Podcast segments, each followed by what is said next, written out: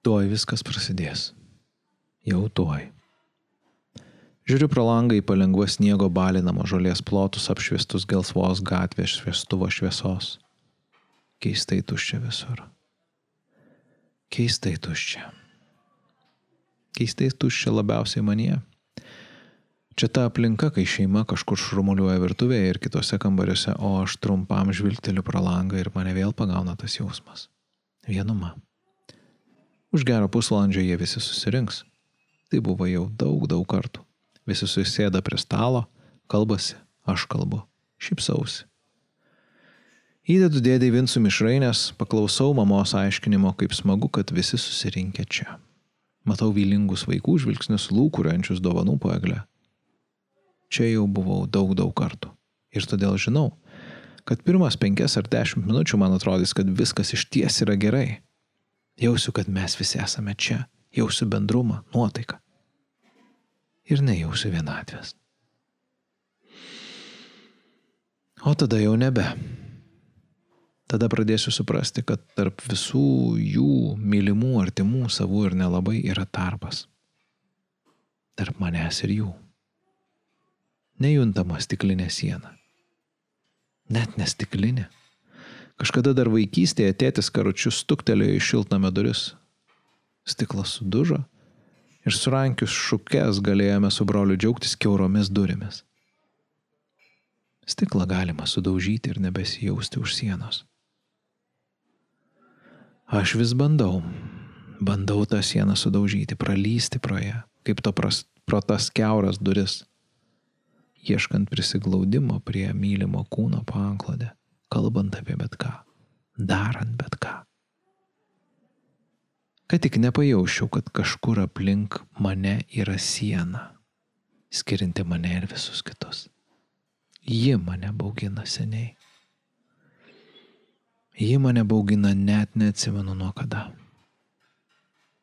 Išsitraukiu telefoną, Instagramą praturtina dar vieną kalėdinės nuotaikos akimirką. Eglutė švieselės atspindžiai žaisliukose. Filtras, tekstas, palinkėjimas visiems, bam, prasukus rautą. Jis irgi toks. Labai kalėdinis, visi džiugus su šeimomis, mylimi ir mylintis. Trukteliu žemyn savo insta. Kelias širdelės jau yra. Kažkam matyt rūpi. Kažkam rūpi. Šiluma trumpam beveik ištirpdo nerimastingą vienatvės burbulą skirianti manęs nuo pasaulio mano telefonas. Vienas iš vaistų, o jų aš turiu daug. Šeimą, draugų, darbą, hobį, miestą su kavinėmis ir prekybos centrais. Kartais tų vaistų nuo vienatvės vartoju tikrai daug. Daug. Ir kartais jie beveik padeda. Beveik.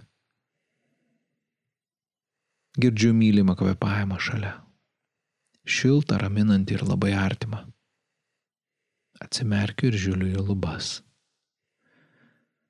Kūčios praėjo. Bet kodėl net kai visi yra čia, man vis viena kažko trūksta. Trūksta tarsi pats mylimiausias žmogus būtų neatvykęs.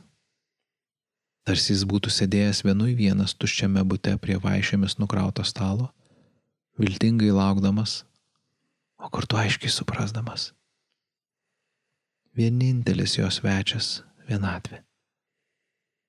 Tas laukiantis žmogus - aš. Mano vienatvė amžinas mano svečias, kad ir kur bebūčiau.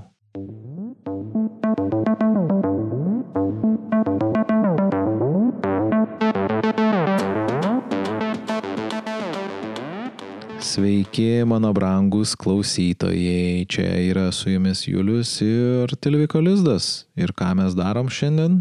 Kalbam. Mes kalbam apie vienatvę ir prieš judant į tą generalinę visą temą didžiąją, tai aš noriu truputėlį tokį niuansą vieną pasakyti.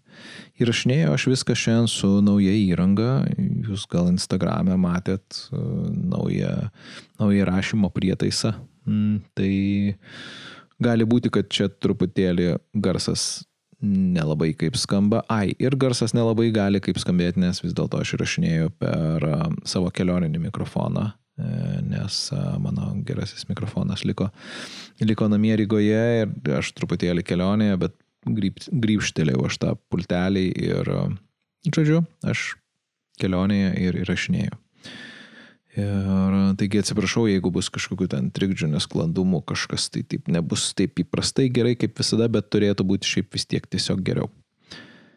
Va, grįžtant atgal prie reikalo, tai mes šiandien kalbam apie vienatvę. Ir turbūt kaip visada pradedam nuo labai įprasto klausimo, kas yra tas dalykas, apie kurį mes kalbam, tai kas yra vienatvė. Ir kalbėdamas apie vienatvę, aš norėčiau gal atskirti tokius du dalykus tai jausmą ar emociją kaip vieną dalyką ir būseną ar, buv, ar buvimą kaip antrą dalyką. Nes iš esmės vienatvės, vienatvės jausmas ar vienatvės ta emocija, kurią mes jaučiam, tai yra mūsų tas emocinis suvokimas, o būsena ar buvimas tai iš tikrųjų mūsų fizinio kūno kuriame yra ir emocinis kūnas, buvimas tiesiog atskirai nuo žmonių. Ir nepaisant to, kad mes galime vienu ar kitu atveju būti vieni ir nesijausti vieniši ir būti su žmonėm ir jaustis vieniši, kaip šitam pavyzdį mūsų paminėtam.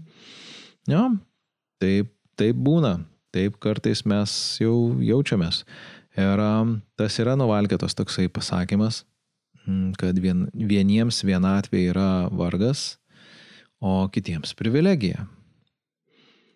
Ir um, tai vad kalbant apie tą vargą ir apie tą jausmą ar emociją, na tai iš tikrųjų yra vienatvė, tai yra emocija ar emocinė būsena, kuri atspindi mūsų trūkstamą ryšį, kurį mes jo, galbūt mes jį praradom, galbūt mes jo niekada neturėjom.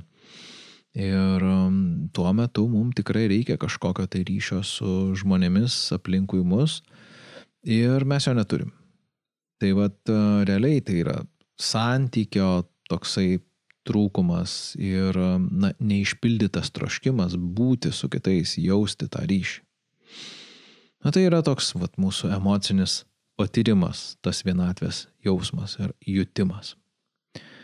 Na, tuo tarpu vienatvės ta būsena, tai nu, kalbėtina yra turbūt labiau apie išorinės aplinkybės, nes mes vėlgi, būdami vieni ir atskirtie, mes aišku galime pradėti jausti tą vienatvės jausmą. Ir ta fizinė atskirtis nuo kitų žmonių, jinai gali, gali tą jausmą sukurti, ypač mes pašnekėsim apie, tą, apie tai truputėlį detaliau vos vos vėliau. Bet noriu dar grįžti prie to paradokso, kad, na, neretai taip jau būna, kad mūsų emocinės būsenos šiek tiek prasilenkia tą koreliaciją su, su, su tikromis būsenomis, kaip aš jau minėjau. Galime būryje žmonių ar, ar, ar šeimoje, netgi būdami kartu ir su mylimai žmonėm, jaustis vieniši, nepriklausomai nuo to, kas vyksta. Ir būdami visiškai vieni mes galime jaustis pakankamai gerai ir, ir visiškai tos vienatvės nejausti. Ir netgi kartais galima pasakyti, kad, nu, iš tikrųjų mums tos vienatvės kaip ir kartais ir prireikia, kada mes per daug gaunam to dėmesio, per daug uh, gaunam ryšio su žmonėm ir uh, tiesiog mums norisi imti ir pabūti atskirai. Ir tas pabuvimas atskirai irgi visiškai yra sveikas ir normalus. Ir aišku, jo, kartais, kartais norisi ryšio, net kai esam. Bet aš jau kartojuosi. Ir tai va dabar į tas tokias konkrečias e, fizinės sąlygas norisi pažvelgti gal. Tai kada, kada yra tos sąlygos, kai iš tikrųjų atsitinka. Tai Visiškai neseniai žiūrėjau filmą apie buriuotoją vienutininką ir ten labai gerai buvo parodyta, kaip vis dėlto vienatvė veikia žmogų, kuris iš tikrųjų yra visiškai vienas. Mm, vandeninė, kur aplinkui nesimato jokio kranto, kur ryšys galimas tik tai kartas nuo karto per radio ryšį ir tai neina, tai neina normalaus pokalbio padaryti. Turėti, kaip mes esame įpratę, tai mes turime pakalbėti, tada mes turime ten paspausti tokį mygtuką ir tada sakom, jo, priimu ir tada girdėti, ką kita pusė sako. Žodžiu, tai nėra viskas taip paprasta. Ir um, taip būnant tokioje atskirtyje iš tikrųjų mes galime pradėti jausti labai stiprią vienatvę. Ir tokia, na, ta izolacija ją ir sukuria.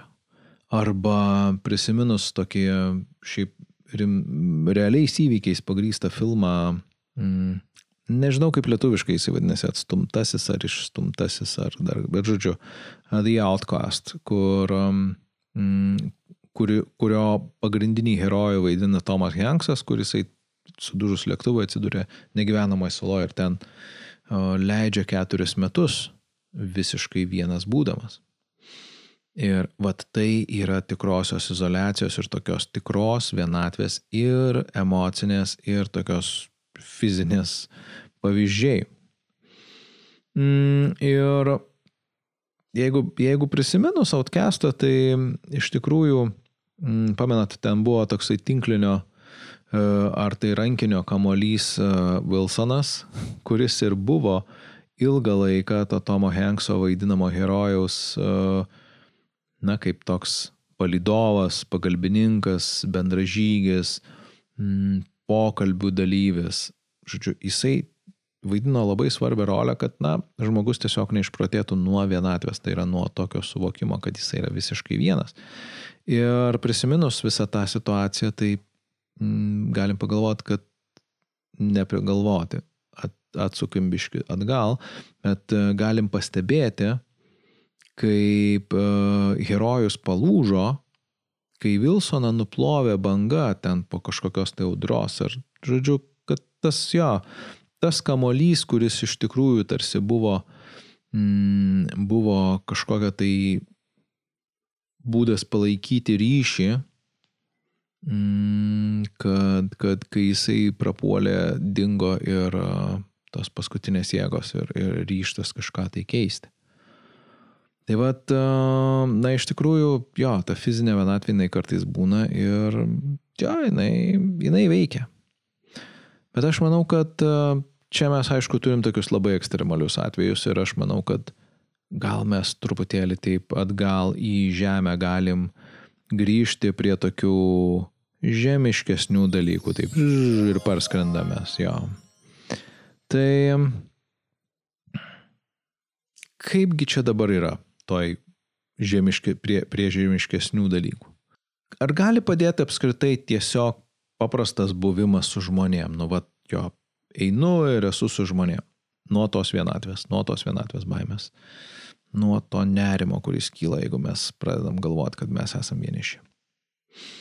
Mm, ir kalbant apie ryšį su žmonėm yra svarbu ne vien tik tai pats fizinis buvimas, bet labiau galbūt reikėtų galvoti apie to ryšio kokybę. Nes dar galim pamatyti save, mm, kad su vienai žmonėm mums iš tikrųjų mes nesijaučiam vieniši visiškai ir yra pakankamai gera būti.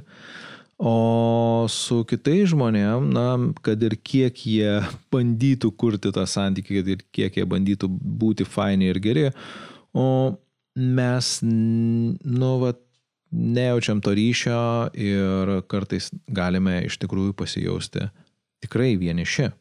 Kame čia yra reikalas ir aš galvojau, kad iš esmės mūsų tą ryšį su kitais žmonėm arba na, būtent vienatvės, uh, nesu, nesugalvoju tokio žodžio, bet nu, tokia prieš priešą vienatviai, tai yra tokie keturi dalykai. Fizinis artumas, emocinis ryšys, vertybinis ar intelektinis santykis ir minios fenomenas.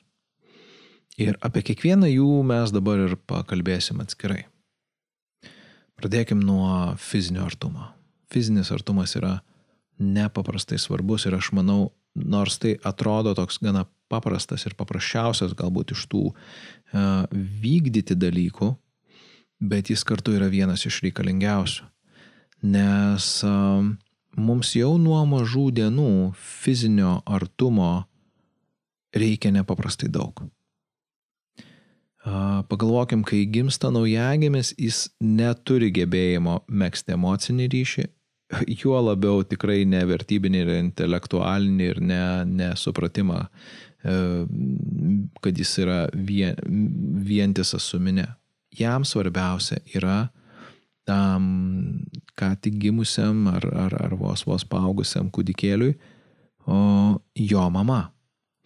Todėl fizinis artumas yra nepaprastai svarbu ir mes tą nešamės per visą gyvenimą, tą fizinį artumą ir poreikį būti tokiam fiziniam kontakte. Vieniem yra labiau, kitiem yra mažiau. O vėlgi čia negalima visko nurašyti, kad o čia visiems fizinis artumas ir tada jau. Yra žmonių, kuriems tas fizinis artumas nėra toks svarbus ir toks aktualus, taip būna. Bet um, čia yra vėlgi kalbam apie laipsnius tam tikrus. Ir netgi yra toksai, na, jau kaip ir suprantamas dalykas, kad jeigu, jeigu o, naujagimis ar, ar kūdikis ilgą laiką negauna fizinio prisilietimo kito žmogaus, na tai jis jaučia tiek daug streso, kad na, iš to streso jis tiesiog gali, nuo to streso jisai gali numirti. Ir pavyzdžiui, vienas iš tokių pavyzdžių, kur o, vietovėse, kuriuose vyksta karas, pavyzdžiui, randa vaikus, kurie mažamečius vaikus, dviejų, trijų metų, pavyzdžiui, E, ir jie yra palikti, tarkim, savo lovelėse ir jie, ką jie daro, jie tą lovelę supa patys ar judina, kad jie jaustų tokį atgalinį ryšį per kažkaip tai ne, ne visiškai per save, bet per kažkokią per aplinką, na, kad jiem truputėlį nors būtų ramiau. Tas, va, toks užsifiksavimas ar, ar, ar kažkoks tai judesys, fizinė išveika, jinai padeda jiem kažkaip tai išbūti visą tą mm, visišką palikimą. Ir čia va, todėl aš manau, kad vienas iš svarbiausių a, ryšių tai yra tas fizinis artumas. Ir kas tai yra? Nu, tai yra tiesiog paimkim paprastus dalykus, tai yra prisilietimai, tai yra apsikabinimai, tai yra bučiniai. Ir kol kas aš nekalbu apie jokį erotizmą, tai yra tiesiog fizinis artumas su gerais draugais, jeigu yra geras santykis su tėvais, tai su tėvais ar su artimais žmonėm. Tai yra tiesiog va toks va fizinis buvimas kartu. Ir tada jau jeigu kalbam apie erosą ir apie visą seksualinę dalį, tai aišku, tai yra visai kitas lygis, nes nu, tas intimus artumas ir seksualus intimumas, na, yra aukščiausio lygio fizinio artumo atmaina. Ir aišku, tas intimumas ar tas artumas, jisai juntamas yra tuo met, kada mes su žmonėm turime ir emocinį ryšį, jis yra nepaprastai stiprus tada. Bet kodėl žmonėm nemokantiem mėgsti emocinio ryšio, neretai seksas tampa tokia kaip na, vienintelė priebėga nesijausti vienišiem ar, ar pajausti kažkokį tai ryšį su kitais. E, tai vad būtent, kad na, jie per tai gali priimti tą. Ir dėl to juos taip ir traukia tas seksualinis ryšys, jiems tiek reikia to sekso ir, ir tokiu būdu jie priima, kad na, va, jo, šitokiu būdu aš būsiu arčiau, aš būs, man bus ten, aš būsiu labiau priimtesnis, mm, aš būsiu labiau priimtas. Um, ir vėlgi, kalbėdamas apie tai, aš nenoriu pasakyti, kad tai yra kažkoks tai labai sąmoningas būdas tą priimti, Aš noriu gal labiau pabrėžti tai, kad šitoj vietoj tiesiog tie žmonės bando tą ryšį kurti būtent per tai. Per tas trumpas akimirkas, kada tai vyksta. Ir aišku, jiems sunku suprasti tai ir priimti tai kaip bėgimą nuo vienatvės, dažnai jie tiesiog neigia, jiems viskas yra gerai. Ir aišku, dar čia įsipainioja ir tai, kad apskritai sekse ir, ir visame seksualizuotame turinyje yra labai daug ir, na, ir malonumo faktorių, ir ten galima sudėti ir daugybę kitokių psichologinių dalykų, kurie yra išveikiami. Tai todėl visą tai, kada susimaišo, aišku, mes nu, negalim išgryninti vien tik tai apie a, pabėgimą nuo vienišumo ir, ir, ir artumo paiešką. Bet čia yra apskritai atskira tema, Mm, ir aš manau, kad ją galbūt galima kažkada tai ir atskirai panagrinėti. Bet supraskim tai, kad kai mus priglaudžia, kai mus apkabina, ar bent jau draugiškai paspaudžia ranką, tomis akimirkomis nesijaučiame vieniši absoliučiai niekaip. Kalbam tada apie emocinį ryšį. Emocinis ryšys atsiranda per empatiją, per saviempatiją, per mūsų emocijų prieimimą ir, ir, ir suvokimą. Ir kartu, aišku, per buvimą galimybę būti. Nebuvimo, galimybę būti atvirais ir pažeidžiamais. Mes kalbamės, mes dalinamės savo jausmais su, su kitu žmogum ar su keliais žmonėm ir mes jaučiam su jais ryšį.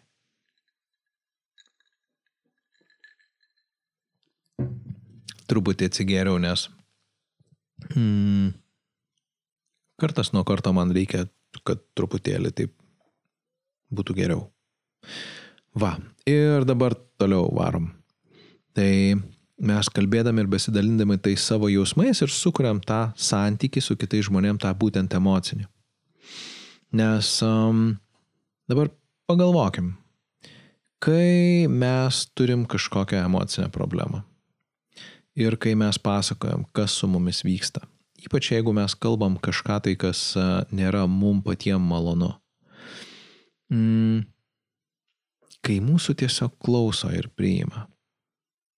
Tai yra geriau, negu kad mm, ignoruoja mūsų jausmus ar bando kažkaip, kad mes kitaip pasijaustume, padaryti tie žmonės, ar, ar jie kažkaip tai intelektualizuoja, kodėl čia mes taip jaučiamės. Aišku, kad mum yra smagiausia, kada mus tiesiog priima. Ir va, todėl aš manau, kad būtent tas supratimas, kad mūsų jausmai yra priimti, jis ir kuria tą emocinį ryšį. Ir būtent tada mes galime emociškai, sakykime, taip apsinuoginti. Ir aš tai dar sakyčiau apskritai, kad emocinis ryšys yra mūsų jausmų seksas. Mes, mes va tokiu būdu seksuojam su kitais žmonėms savais jausmais. Ir aišku, kai mūsų nesupranta, tai nu, mes norime atsiriboti, užsidaryti, nusisukti nuo tų žmonių ir taip ir atsiranda įvairūs tokie pasakymai, kaip, ai nu tai jo, kaip tu nori, man čia daryk čia, ar ką tu nori, sakyk, man nesvarbu, whatever. Bet kai mūsų supranta ir kai jaučia, tai tomis akimirkomis nesijaučiame vieniši visiškai. Tada yra vertybinis ir intelektualinis santykis ar ryšys. Ar kada nors šiaip prisiminkit, turėjot idėją ar mintį ar kažkokį tai suvokimą, tokį pagalvojimą. Ir ar kada nors dalinotės tuo su kitu žmogum, kuris žiūri išplėtęs akis ir, ir klauso ir linkčioja galvą ir sako, jo, geras, Ir, ir jis pritarė tą tai idėją ir, ir jisai prideda galbūt kažką savo, bet, žodžiu, jis yra ten su jumis to idėjai. Ar, ar tiesiog kažką pasakot ir, ir, ir žmogus sako, o jo, fainai, taip gerai. Čia yra geras jausmas iš tikrųjų, kada mes kalbam a, kažką tai ar samprotojam kažką ir mum pritarė. Ir nesvarbu, ar tai yra kalėdinių dovanų sąrašas ar hipotezė apie erdvėlaikio lankstimo galimybės kelionėms laiku, jeigu mums pritarė, mums yra žiauriai, žiauriai faina.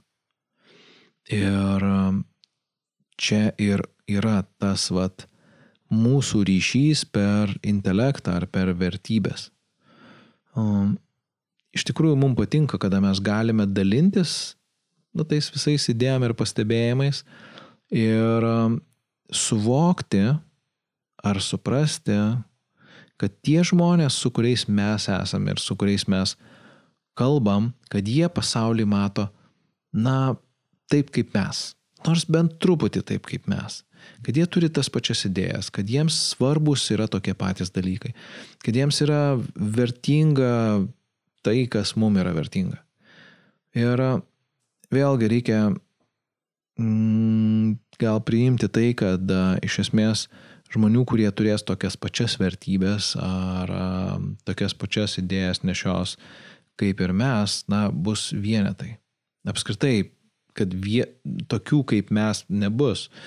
Mm, aišku, kad bus tam tikri dalykai, kurie, kuriems tie žmonės nepritars ir, ir, ir panašiai, bet, bet tuo metu, kada mes tą suvokiam, kad yra žmogus, kuriam svarbu yra tai, ką mes o, kalbam idėjiškai, kuriam yra svarbu tai, kas mums yra svarbu, na, mes jaučiamės ryšyje. Ir va tomis akimirkomis nesijaučiam vieniši visiškai. Ir galiausiai, aišku, reiktų paminėti turbūt ir visą minę. Mm, tą minios fenomeną. Jeigu kada nors teko būti, aš labai tikiuosi, kad teko, o kokiam nors dideliam koncerte, kur daug žiūrovų, nu dešimt tūkstančių koksai, ir mes klausom kažką tai visi kartu, ir muzika, šviesos, mes judam kaip vienas vienetas, mes dainuojam kaip vienas vienetas, mes pulsuojam kartu. Viskas yra taip, tarsi mes būtume vienas kūnas. Ir jeigu kada nors tai patyrėte, tai yra, na, va, tas minios fenomenas arba toks irgi pasijautimas, kad, nu, ne, aš nesu vienas, aš esu su visais tai žmonėm, jie yra tarsi mano tesinys, o aš esu jų tesinys ir toks vientisas organizmas. Kaip, nežinau, galvoju, kaip koks krusdelynas. Ir jo, tuo metu mes tikrai nesijaučiam vieniši visiškai. Ir aš kažkaip tai dabar va, pasakodamas apie tos koncertus ar kažką, tai aš dar pagalvojau, kad a, aš dar panašiai jaučiausi ir, na, tarkim, sąjūdžio laikais, kai buvo sąjūdžio mitingai. Mm, na, tada irgi tu jau, aš jaučiau tokį bendrumą ir atrodė, kad o mes čia visi esam kaip, kaip vienas ir, ir labai smagu. Ir beje, tuo metu kaip tik aš buvau pakankamai na toksai drovus vaikis. Mm, man taip, jo, pasisveikinti, pavyzdžiui, su nepažįstamu žmogum, jeigu jis toks nėra, nu, kažkokioje tai oficialioje aplinkoje, tai man atrodo kažkaip keista, nu, kaip čia sveikintis, nu, ar, ar ten nežinau. Kažkaip matai, kad uh, žmogus kažkoks ten turi kažkokią bėdą ar, ar, ar kažkaip ten jam padėti, nežinau, ant kokių, močiutė ant kokių laiptų pasilipti ten ar, ar, ar kokią, nežinau, ten vėliavą palaikyti ar dar kažką. Tai šiaip normaliai man būtų tada atrodę, kad, ai, nu tai ką čia, kaip čia dabar daryti. Bet tuo metu, kada aš esu toj visoje minioje, tai jo, susijungi tarsi su jais ir tada galvoju, o, čia viskas gerai, žodžiu, aš, aš čia daug ir galiu ir, ir visai, nu tarsi įsijungia visai kita asmenybė. Ir aišku, ne, aš negalvoju, kad, o čia gal aš ne, ne, ne, ne taip ir neteisingai darau kažką. Iš tikrųjų būdavo labai smagu. Ir aš manau, kad irgi mm, tokiomis akimirkomis o, aš jaučiausi, na, iš tikrųjų toksai, jo, geras, fainas, smagus. Ir tomis akimirkomis nesijaučiau vienišas visiškai. Ir čia va, gal visa tai, visi tie keturi dalykai, apie kuriuos aš kalbėjau, um, man susiveda į tokį vieną bendrą, kad uh, iš esmės mūsų gebėjimas būti pažeidžiamiems yra vienas iš tokių esminių vienatvės priešnodžių. Jeigu mes mokame būti atviri, jeigu mes mokame būti pažeidžiami, tai mes jaučiamės mažiau vieniši. Ir kodėl taip gali būti, tai vienas dalykas, kad a, mums nereikia nuo nieko saugotis ir kiti žmonės irgi dažniausiai būna atviresni, kai mes esame atviresni. Iš kitos pusės, jeigu mes norime būti nepažeidžiamais ir, ir stengiamės kažkaip tai kitaip atrodyti. Fiziškai mes norim atrodyti stiprus ir gražus ir visokie faini ir um, be defektų. Mm, emociškai mes norim būti pozityvūs ir mes norime nereaguoti į kitų žmonių kažkokias emocijas ir norime, mm, norime patys jausti tik tai tokias malonės emocijas ir jeigu mums kažkas yra negerai, mes vis vieną tarsi tą ignoruojam ir nustumėm, nes esam stiprus ir, ir visokie kokie ir mes norime būti teisūs ir žinoti viską ir, žodžiu, visa tai susiveda į tokį, Vat buvimą būtent uh, nepažeidžiamu, kad nu, aš viską žinau, aš, aš visada fainas ir, ir, ir gerai jaučiuosi, Ir aš aišku esu ir gražus, ir stiprus, ir visoks, koks ir dar vikrus. Mm, ir taip pagalvojus, tai nepažeidžiamumas tasai yra kaip kokie šarvai, kuriais mes apsirengiam, apsirėdom visai ir mes juose jaučiamės saugiau. Bet pagalvokim, ką tie šarvai iš tikrųjų saugo. Tai jie saugo, na, tik tai mūsų ego. Mūsų ego, kad jis nenukentėtų, mm, kad ne, mes nesijaustume pažeminti, kažkokie prastesni, blogesni, negu kad e, norėtume, kaip kiti žmonės mus matytų. Ir tuomet mes, mes atsiribojame, mes fiziškai atsiribojam, mes atsiribojam emociškai, mes atsiribojam intelektualiai, įsijungia įvairios gynybos ir kuo daugiau tų gynybų, tai tie šarvai dar apauga tokiais spigliais ir dar už jų sienos pasistato ir, nu ką, mes esam tada, mūsų ego ten taip, mm, kaip koks, nežinau, kiaušinis apsaugotas yra ten viduje sėdi, kad nedaug dievė jam nieko neatsitiktų, bet iš esmės tai mes esam visiškai atsiriboję. Ir Taip, ten esam vieni visiškai, labiau su savim galbūt, labiau savo, bet vieni. Ir mes manome galbūt, kad taip yra saugiau, bet klausimas ar iš tikrųjų taip. Ir aš taip dabar kalbėdamas apie tos šarvus pagalvojau, nu, tarkim, tarkim mes važiuojame į oro uostą ir norime pasitikti a, senai matytą draugą grįžtantį. Ir a, tam, kad mes apsaugotume savo ego kažkaip tai gražiai, užsidedam tos šarvus, blizgančius visokius, ten kaip iš kokios gedimino pilies, o čia žvangantis tokie ateinami tą oro uostą, aišku, okei, okay. hipotetiškai turbūt niekas mūsų ten neįleistų, jau sustabdytų apsauga, sakytų, sorry, ką jūs čia veikiat, bet įsivaizduokim, kad mes laukiam su tai šarvais. Ir tada ateina mūsų draugas ir jis mus apkabina ir ką mes jaučiam, mes jaučiamės tokie nerangus ir, ir tas apsigabinimas jo nėra. Jo balsas, tai ką jisai sako ten per tą mūsų skydą, nesimato, jis net nepažįsta mūsų tas žmogus. Jis nežino, kas ten mūsų viduje yra, koks ten tas Julius tikras yra. Tai todėl aš manau, kad pažeidžiamumas vis dėlto yra mm, vienas iš tų labai gerų tokių uh, vienatvės priešnodžių. Ir truputėlį tęsant kalbą apie pažeidžiamumą, tai aš turėčiau šiek tiek pakalbėti dabar apie kitą pažeidžiamumą. Apie savo. Žinot, kodėl šitą muziką groja? Nes dabar yra laikas reklamai.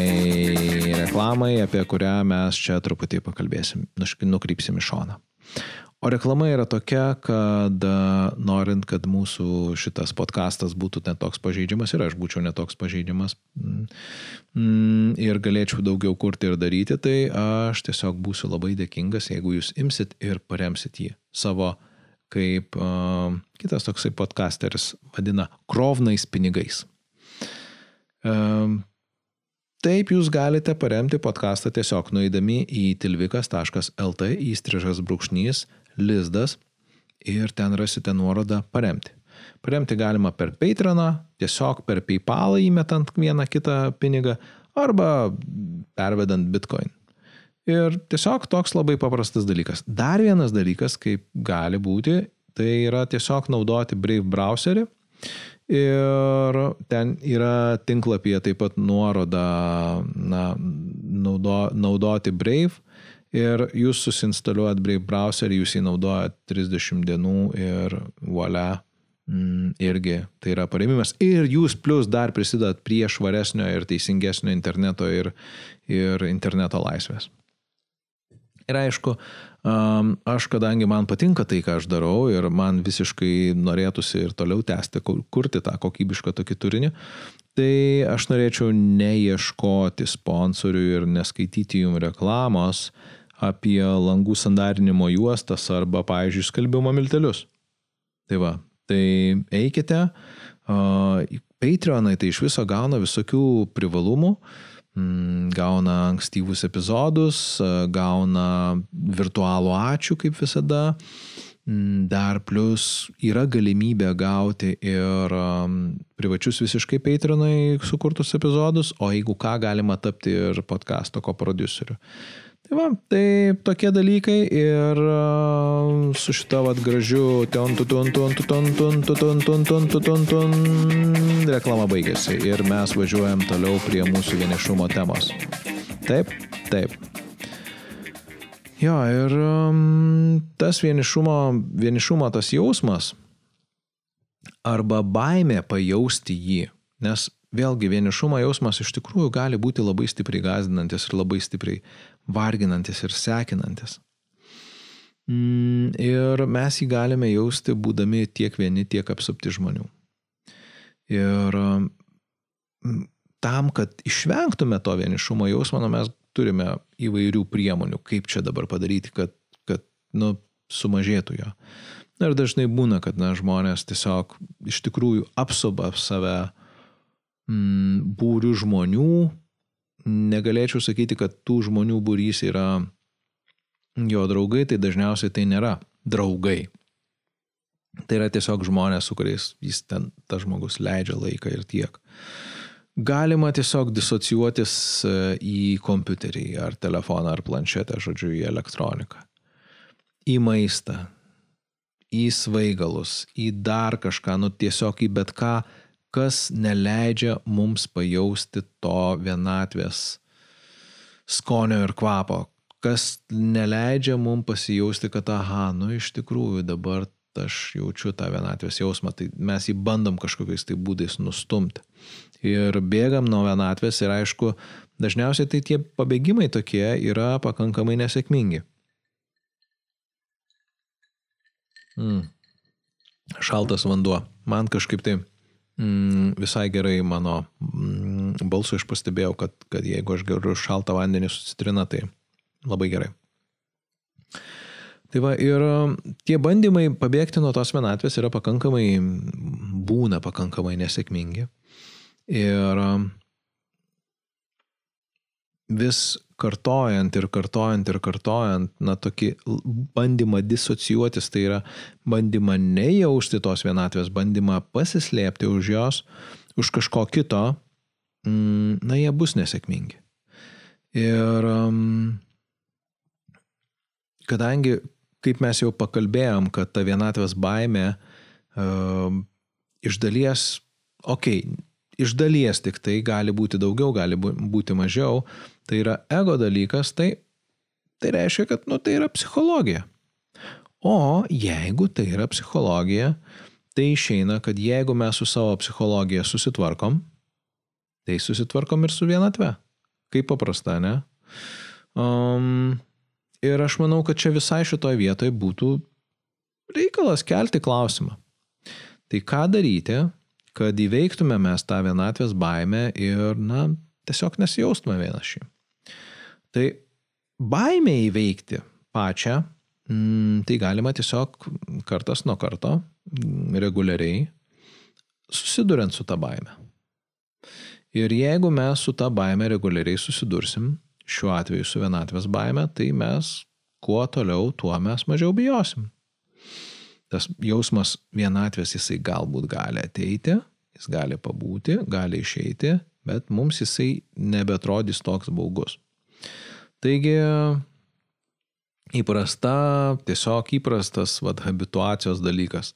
Mes esam su tuo jausmu, suprantam, kad jis nieko iš esmės blogo nedaro ir mums yra lengviau. Ir apskritai mes daž, dažniausiai, tik kalbant apie tą vienatvės jausmą, na žmonės kai jie mokosi būti vieni, tai jie pripranta, kad ne viskas taip jau blogai yra su tuo vienumu buvimu vienam.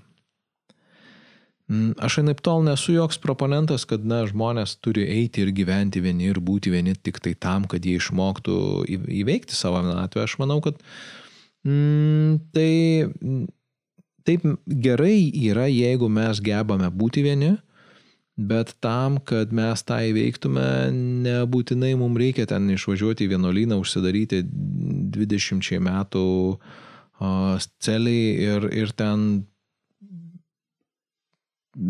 medituoti ar, ar melstis ar dar kažką tai ten, nežinau, daryti ir valgyti po vieną ryžį per dieną. Mm, anaip tol ne. Mm, bet kaip mes galime labiau tą mm, įveikti tą, neįveikti gal, atrasti raktą į tą savo vienatvės priežastį, tai tiesiog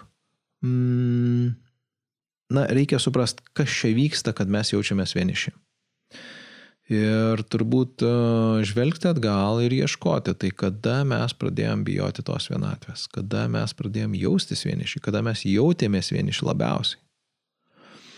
Ir e, taip gali būti, kad atsakymo reikės ieškoti kažkur vaikystėje. E, tarkim, jeigu, jeigu iš tikrųjų mūsų vaikystėje mes patyrėm daug vienatvės ir mes neišmokom būti saugiai neišmokom suprasti, kad mes galim būti saugiai.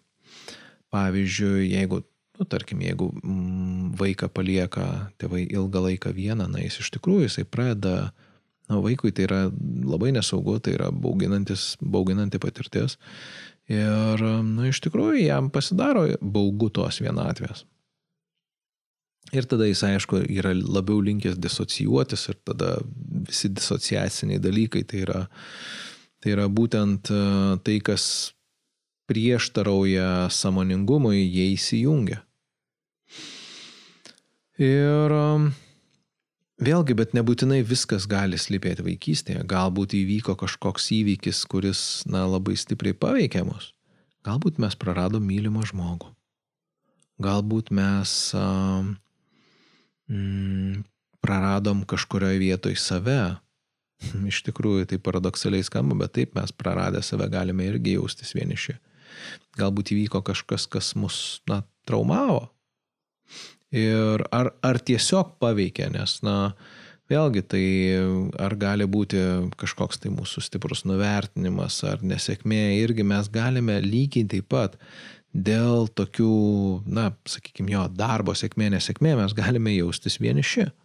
Nes tiesiog mums atrodo, kad, na, mm, mūsų nepriima, mūsų nevertina ir, ir gali taip iš tikrųjų ir būti ir, ir tada susviruoja tas, tas toksai o, saugumo ir, ir prieimimo jausmas, kad mes esame grupiai ir priklausom kažkam tai.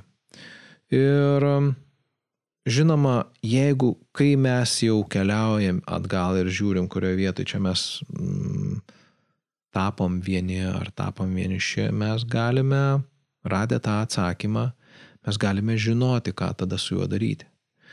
Ir aš manau, kad būtent mes patys ir turime atrasti, ką mes su tuo darysime ir, ir kaip mums su tuo būti, nes e, tokių receptų, kaip su ta vienatve sukovoti, kaip ir nėra. Mums kiekvienam uh, yra atskiros dedamosios.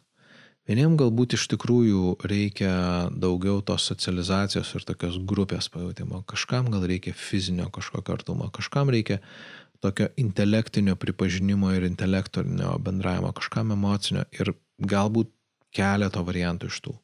Kiekvienam yra savi dalykai. Tai todėl tokio bendro recepto yra, na, sunku bendrą receptą surasti. Bet aš manau, kad vienas iš tų jau paminėtų raktų į buvimą mažiau vienišais, tai yra mūsų mokymasis būti pažeidžiamais. Kai mes esame, kuo, kuo mes esame mažiau pažeidžiami, tuo mes mažiau jaučiamės vieniši. Nes mums tada labai lengva connect, jungtis su žmonėm. Mums labai lengva užmėgsti ryšius, mums labai lengva palaikyti pokalbius, emocinį ryšį kurti su žmonėm irgi paprasta. Mm, tai taip, kad kuo mes esam labiau leidžiamės būti pažeidžiami, bet anaip tol tai nereiškia, kad mes esam pažeidžiami, tai tuo mums yra paprasčiau. Ir aišku, yra, na, toks, va šitoj vietoj primenantis galbūt patarimą, bet tai yra toks grinai mechaninis dalykas. Tai yra mūsų rūpestis kitais. Kai mes rūpinamės kitais, mes jaučiamės mažiau vieniši, gerokai mažiau vieniši. Ir labai toli ieškoti nereikia, nereikia kurti organizacijos kažkokios didžiulės, kur čia bububu, išgelbėkit vaikus, išgelbėkit sraigės, išgelbėkit pigmėjus, dar kažką. Ne. Mes galim pradėti nuo rūpinimos, na, tiesiog vieno artimų žmogum, kuris mums yra šalia, ar, ar kažkokiu tai, nežinau, kad ir gyvūnėlių kažkokiu tai iš prieglaudos. Ir va čia, čia toksai, tarsi savotiškai toksai, na, organiškas toksai pavyzdys, kodėl va, ten močiutės ar, ar, ar, ar, ar, ar seneliai augina ten katinėlį ir šunelį. Nes jiems yra, jie mažiau jaučiasi vieniši, kada jie rūpinasi kažkuo. Ir um, tas santykis jisai padeda įveikti vienatvį ir vienišumą. Na ir vėlgi, jis, tas jis ateina faktiškai net ir su tuo naminiu gyvūnu, pažiūrėkim, jis ateina per visus tuos, mano nuomonė, per tuos keturis, tokius keturias tas dedamasias. Aišku, su gyvūnu yra fizinis kontaktas. Nu, su katinais, su kai kuriais galimas jisai, su kuriais, kai kuriais mažiau, ne visos katės leidžiasi glostomas, šunis labiau. Ir um, mm, emocinis ryšys, tai aišku, kad, na, pašauki šunį ir jisai atbėga, jisai visgina ten nuodėgą, jisai džiaugiasi ir, ir, na, katinas kitaip reaguoja, bet jis irgi reaguoja. Ir tada, tarkim, tas intelektinis santykis, neretai žmonės, kurie turi savo augintinį, jie su juo šnekasi. Ir kada jie šnekasi, čia ir yra, jiem nereikia gauti atgalinio kažkokio labai protingo ryšio ten, bet jie tiesiog gali jam pasakyti kažką ir atrodo, kad jisai išklauso. Čia yra svarbiausia toks irgi toksai, va, jo, galbūt kartais mes pasikalbam su savo augintiniais ir besikalbėdami, pavyzdžiui, su augintiniais, bent jau, nežinau, nu bent jau man kartais būna, kad aš um, tiesiog, okei, okay, čia nesu augintiniais kalbėdamasis, bet aš kalbėdamasis su žmogum, jam kažką pasakodamas, aš suprantu pats dalykus, kuriuos aš bandau išsiaiškinti arba paklausti, kaip čia tas ir tas. Ir jo, ir, ir, ir va tokiu būdu, tokiu būdu ir yra tas kuriamas, manau, kad šiek tiek ir intelektinis ryšys. Ir galiausiai, aišku, mm, na, yra tas grupės jausmas irgi, kad, nu, tu esi ne vienas, tu esi su kažkuo, arba, jo, žmonės, kurie ten augina kokie nors, nežinau, ten Mm, vakarų Sibiro laikas, va jie, jie irgi, o, va, ten ir tas turi laiką, ir ten tas turi, ar ten kažkokį kitokį šunį, ten malamutinį. Mm, žodžiu, ar ten katinas ant sulėp, nulėpusiam ausim iš Britijos. Žodžiu, jie, jo, mes ieškam kažkokių tai bendrumų ir, ir aš manau, kad vat, per tuos visus netgi ir, ir keturis tos kantus galima kažkaip tai kažkaip tai pamatyti, kad tai irgi netgi tokiu būdu atsiranda tas toksai ryšys. Aišku, su gyvūnais naminiais, nu, su augintiniais. Mm, aš tai jaučiuosi, kad truputį gal čia pritempiau, bekalbėdamas, bet tebūnie, tebūnie būna pritempta. Uh, bet kalbant apie žmonės, tai mes tikrai, mums mum norisi, mums norisi nebūti vieniems uh, pasaulyje, mums norisi su kažkuo intelektualiai pasikalbėti, pasidalinti savo idėjomis, mums norisi mm, lygiai taip pat, kad mūsų emociškai priimta ir aišku, fizinis artumas tas yra labai labai svarbu. Ir galbūt dar vienas toksai momentas, kuris mano nuomonė paminėtinas, tai yra, kad, na, mums visgi reikia priimti kad nuo gimimo mūsų iki mirties mes esame vis dėlto vieni. Mūsų kūne mes gyvename vieni. Ir tai, tai prasideda tada, kada, kada nutrūksta mūsų bambagislė junginti mus ir mamą. Viskas. Mes nuo to momento esame vieni. Ir aišku, na tai yra tokia sakyčiau, egzistencinė vienatvė ir mes norim to ar nenorim, mes ją turim priimti. Ok, turim gal ne visai tinkamą žodis, mes ją galim priimti, nes priešintis jai yra beprasmiška. Tai todėl, kad mes truputį kažkur tai visada, jeigu taip, net jeigu mes labai gerai jaučiamės, mes tą truputį vienatvės visada kažkur tai jausim. Ir tai yra normalu. Ir aš manau, kad nuo to, jeigu mes tą priimam ir nebėgam nuo to ir, nu, tokia kaip duotybė, savo pasakom, okei, okay, va, yra vienatvė, va, man su tuo tiesiog galima būti ir viskas. Aš manau, kad laikas apibendrint gal. Mm, apibendrinant, tai aš gal norėčiau pasakyti tai, kad kuo mes geriau mokame būti su savimi, tuo mums lengviau sekasi būti ir su kitais. Ir paradoksalu, kad būnant su kitais mums gerai, neišduodant savęs jokių būdų, o, bet būnant su kitais atvirai, va taip va, nusišarvavus, apsikabinus, išklausant juos ir pasidalinant, ką mes patys manom, mes jaučiamės, jausimės gerokai mažiau vienišesni. Ir rasim draugų bendraminčių, mes rasim žmonių, kurie mums bus labai svarbus, rasim žmonių, kurie, kuriuos mes mylėsim ir kurie mus mylės ir man atrodo, kad čia ir yra visas, visa ta prasme tos, na, to vienišumo, ba, vienatvės baimės išvengimui. Ir šitoje vietoje turbūt man jau norisi kaip ir sakyti, kad jo, okei, okay, aš jau jaučiuosi pašnekėjęs apie nu, vienatvę. Tai todėl čia aš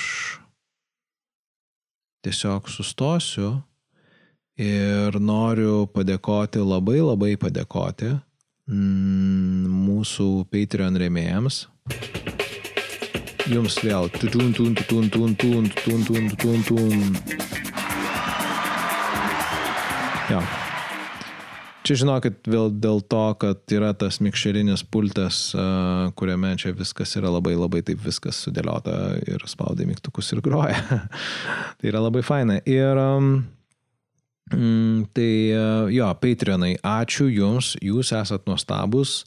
Uh, ir um, dėl to, kad jūs esat, man yra žymiai labiau ir smagiau kurti šitą daiktą ir žinau, kad taip, jūs tą darot. Ir um, ačiū visiems kitiem. Ačiū, jeigu jūs klausot ir jūs dalinatės tuo su kitais žmonėm. Ir čia irgi yra prisidėjimas prie to. Ačiū tiems, kurie komentuoja, ačiū tiems, kurie atsiunčia idėjų, ką, kaip daryti, temų. Žodžiu, jūs esat nuostabus. Ir aš manau, kad atėjo iš esmės laikas atsisveikinti ir sakyti jums sudie, nesijauskit vieniši, būkite su savim, būkite su kitais. Ate, buvo Julius ir Tilviko Lizdas čia.